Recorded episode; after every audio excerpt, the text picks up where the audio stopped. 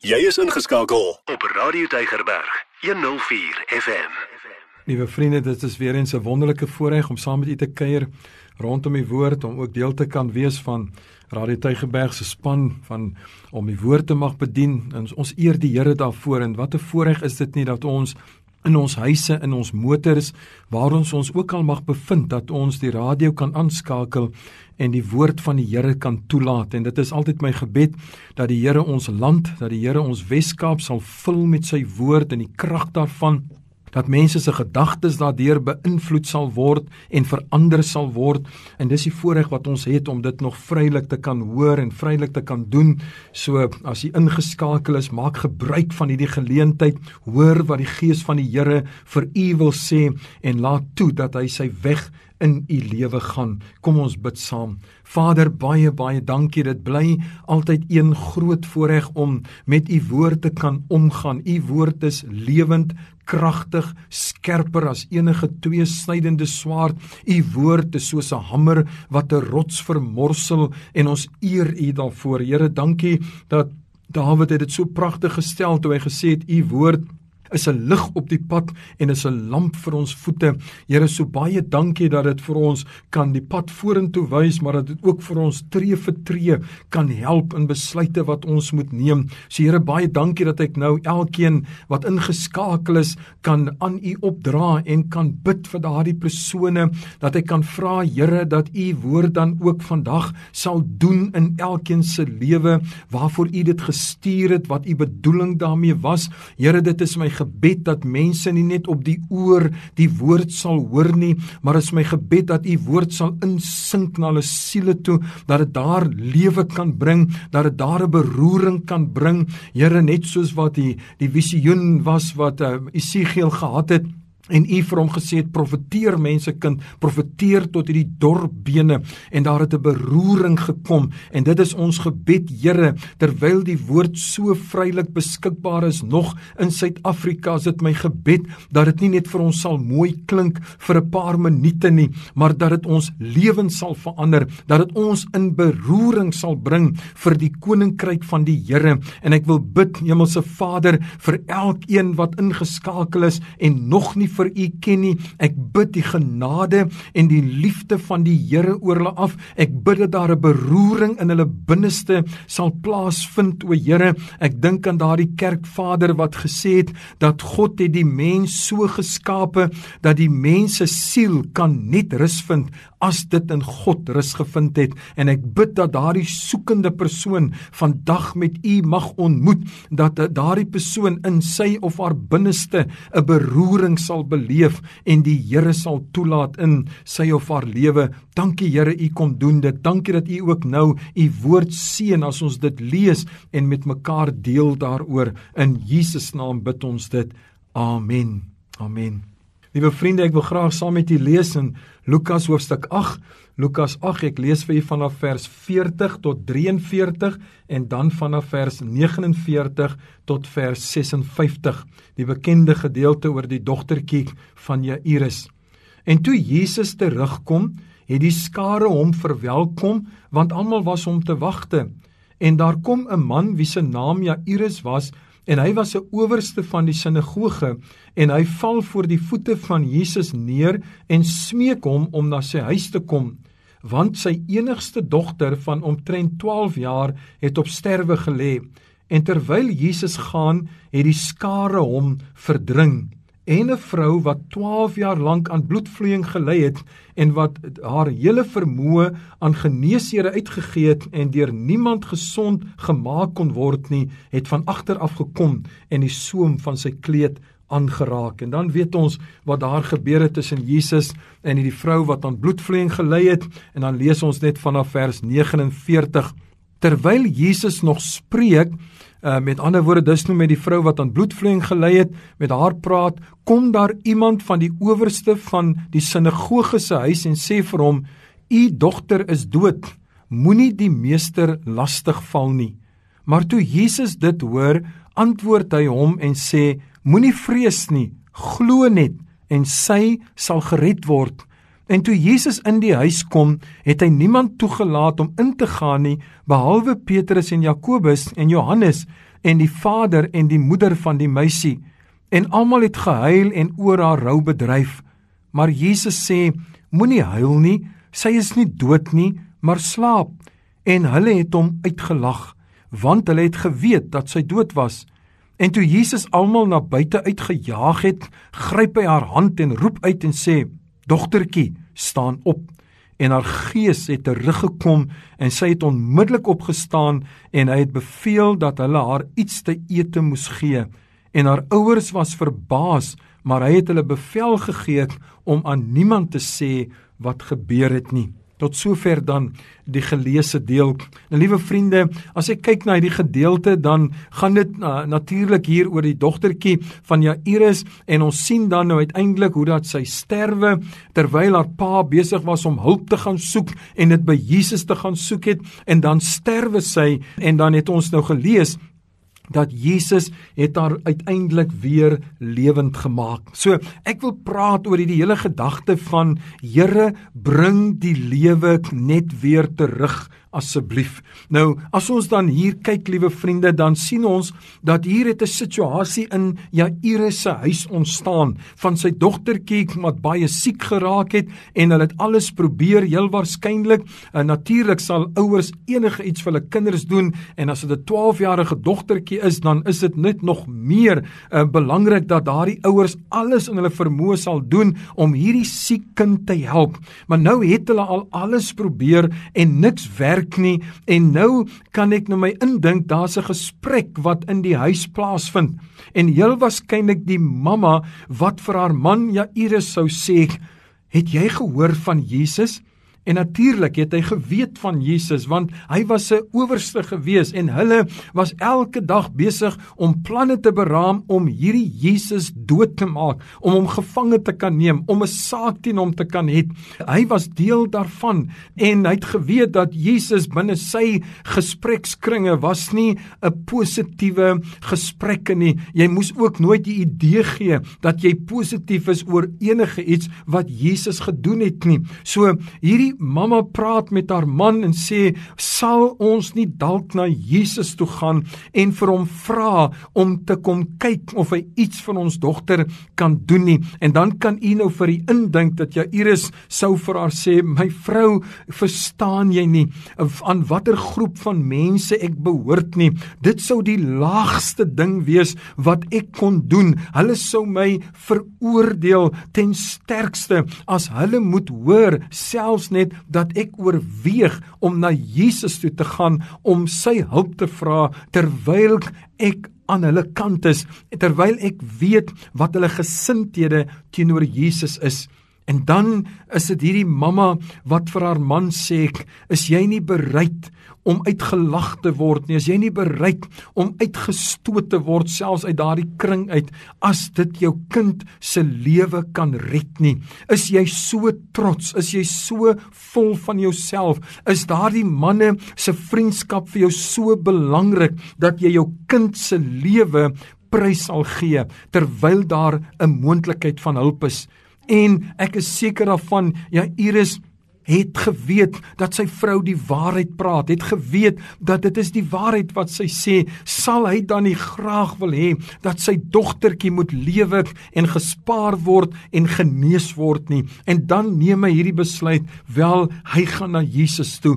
En dan is dit so kosbaar, liewe vriende, ek hoop jy sien die prentjie in die gees dat dat Jairus hardloop daar van sy huis af. Hy het nou klaar besluit, hy gee nou nie meer om wat die mense gaan sê nie, maar sy dogter dogtertjie se lewe is vir hom die belangrikste. As hierdie Jesus wat so baie ander mense al gesond gemaak het dan sy dogtertjie kan help hoekom sou hy as gevolg van mense se opinies 'n kollega se opinies hoekom sal hy dan nou vir hulle die reg gee om die reg uit te oefen oor die wel en die wee van sy dogtertjie? En hy hardloop af na Jesus toe. Hy het heel waarskynlik gehoor dat Jesus uh, oorgevaar het daar na die stad van die Gadareeners toe en dat hy weer op pad terug is en daarom hardloop hy na Jesus toe.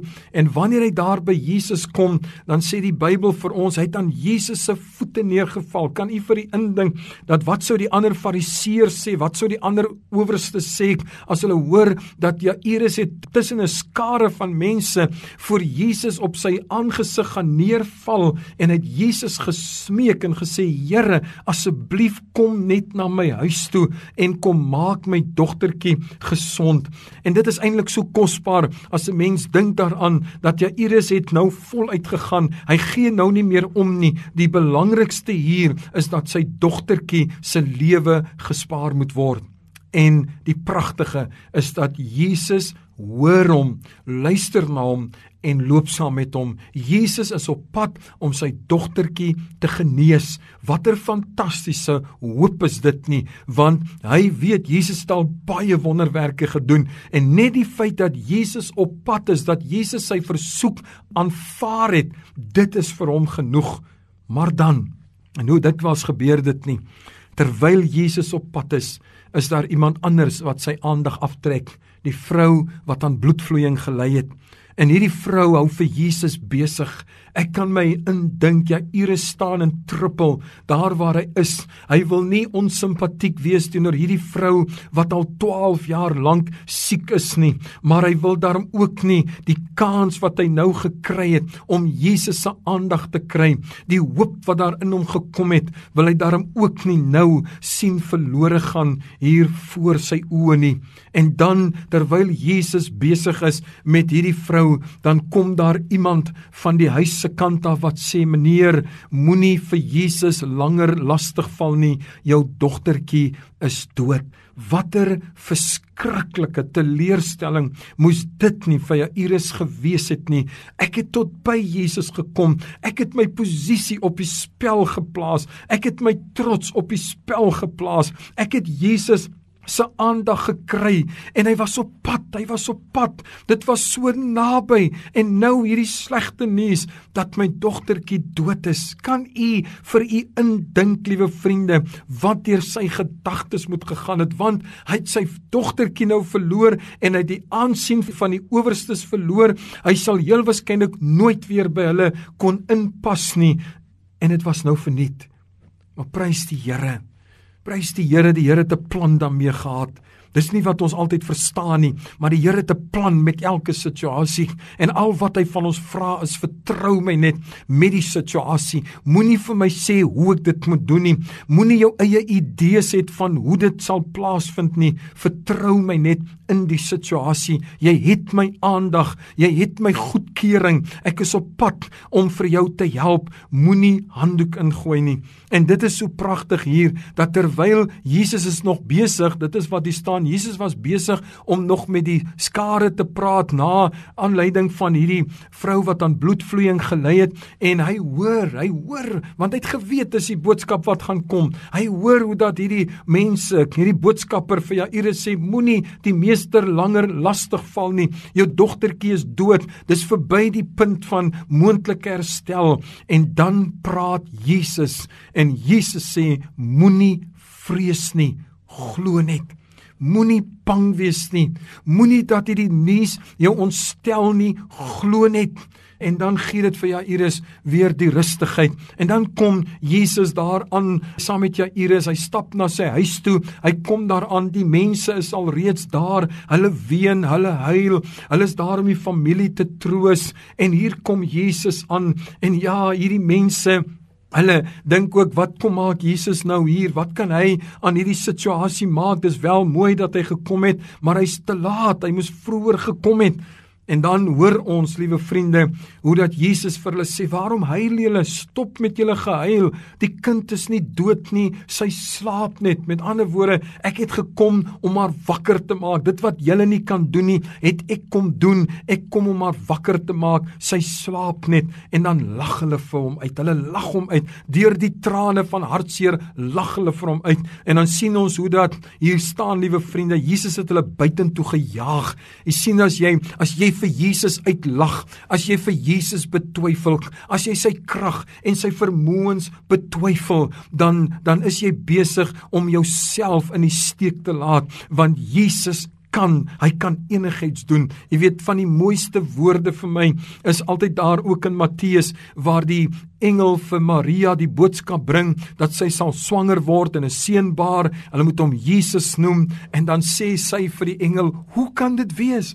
Dis onmoontlik. Ek het nie 'n man nie. Ek het nog nie met 'n man geslaap nie. Ek is ook nie van plan om dit nou te doen nie. Hoe kan dit wees dat ek 'n seun gaan baar? En dan sê die engel vir haar: "By mense is dit onmoontlik, maar by God is alle dinge moontlik." En so, liewe vriende, sien ons dan hier dat Jesus hierdie mense uitjaag want hulle lag vir hom. Hulle lag vir sy vermoëns. Hulle lag vir wat hy sê en hy laat hulle nie toe om by te wees om hierdie wonderwerk werk self persoonlik te sien nie. En dan sien ons hoe dat Jesus gaan en met die gesag wat wat hy het as God self spreek hy hierdie dogtertjie aan. Hy sê dogtertjie staan op. En onmiddellik sê die Bybel en dis so pragtig en dis waaroor dit gaan vandag in hierdie boodskap en onmiddellik vers 55 en haar gees het teruggekom en sy het onmiddellik opgestaan. Liewe vriende Ek het een keer gehoor 'n stelling en ek kan nie lekker weet hoe die verbintenis is nie,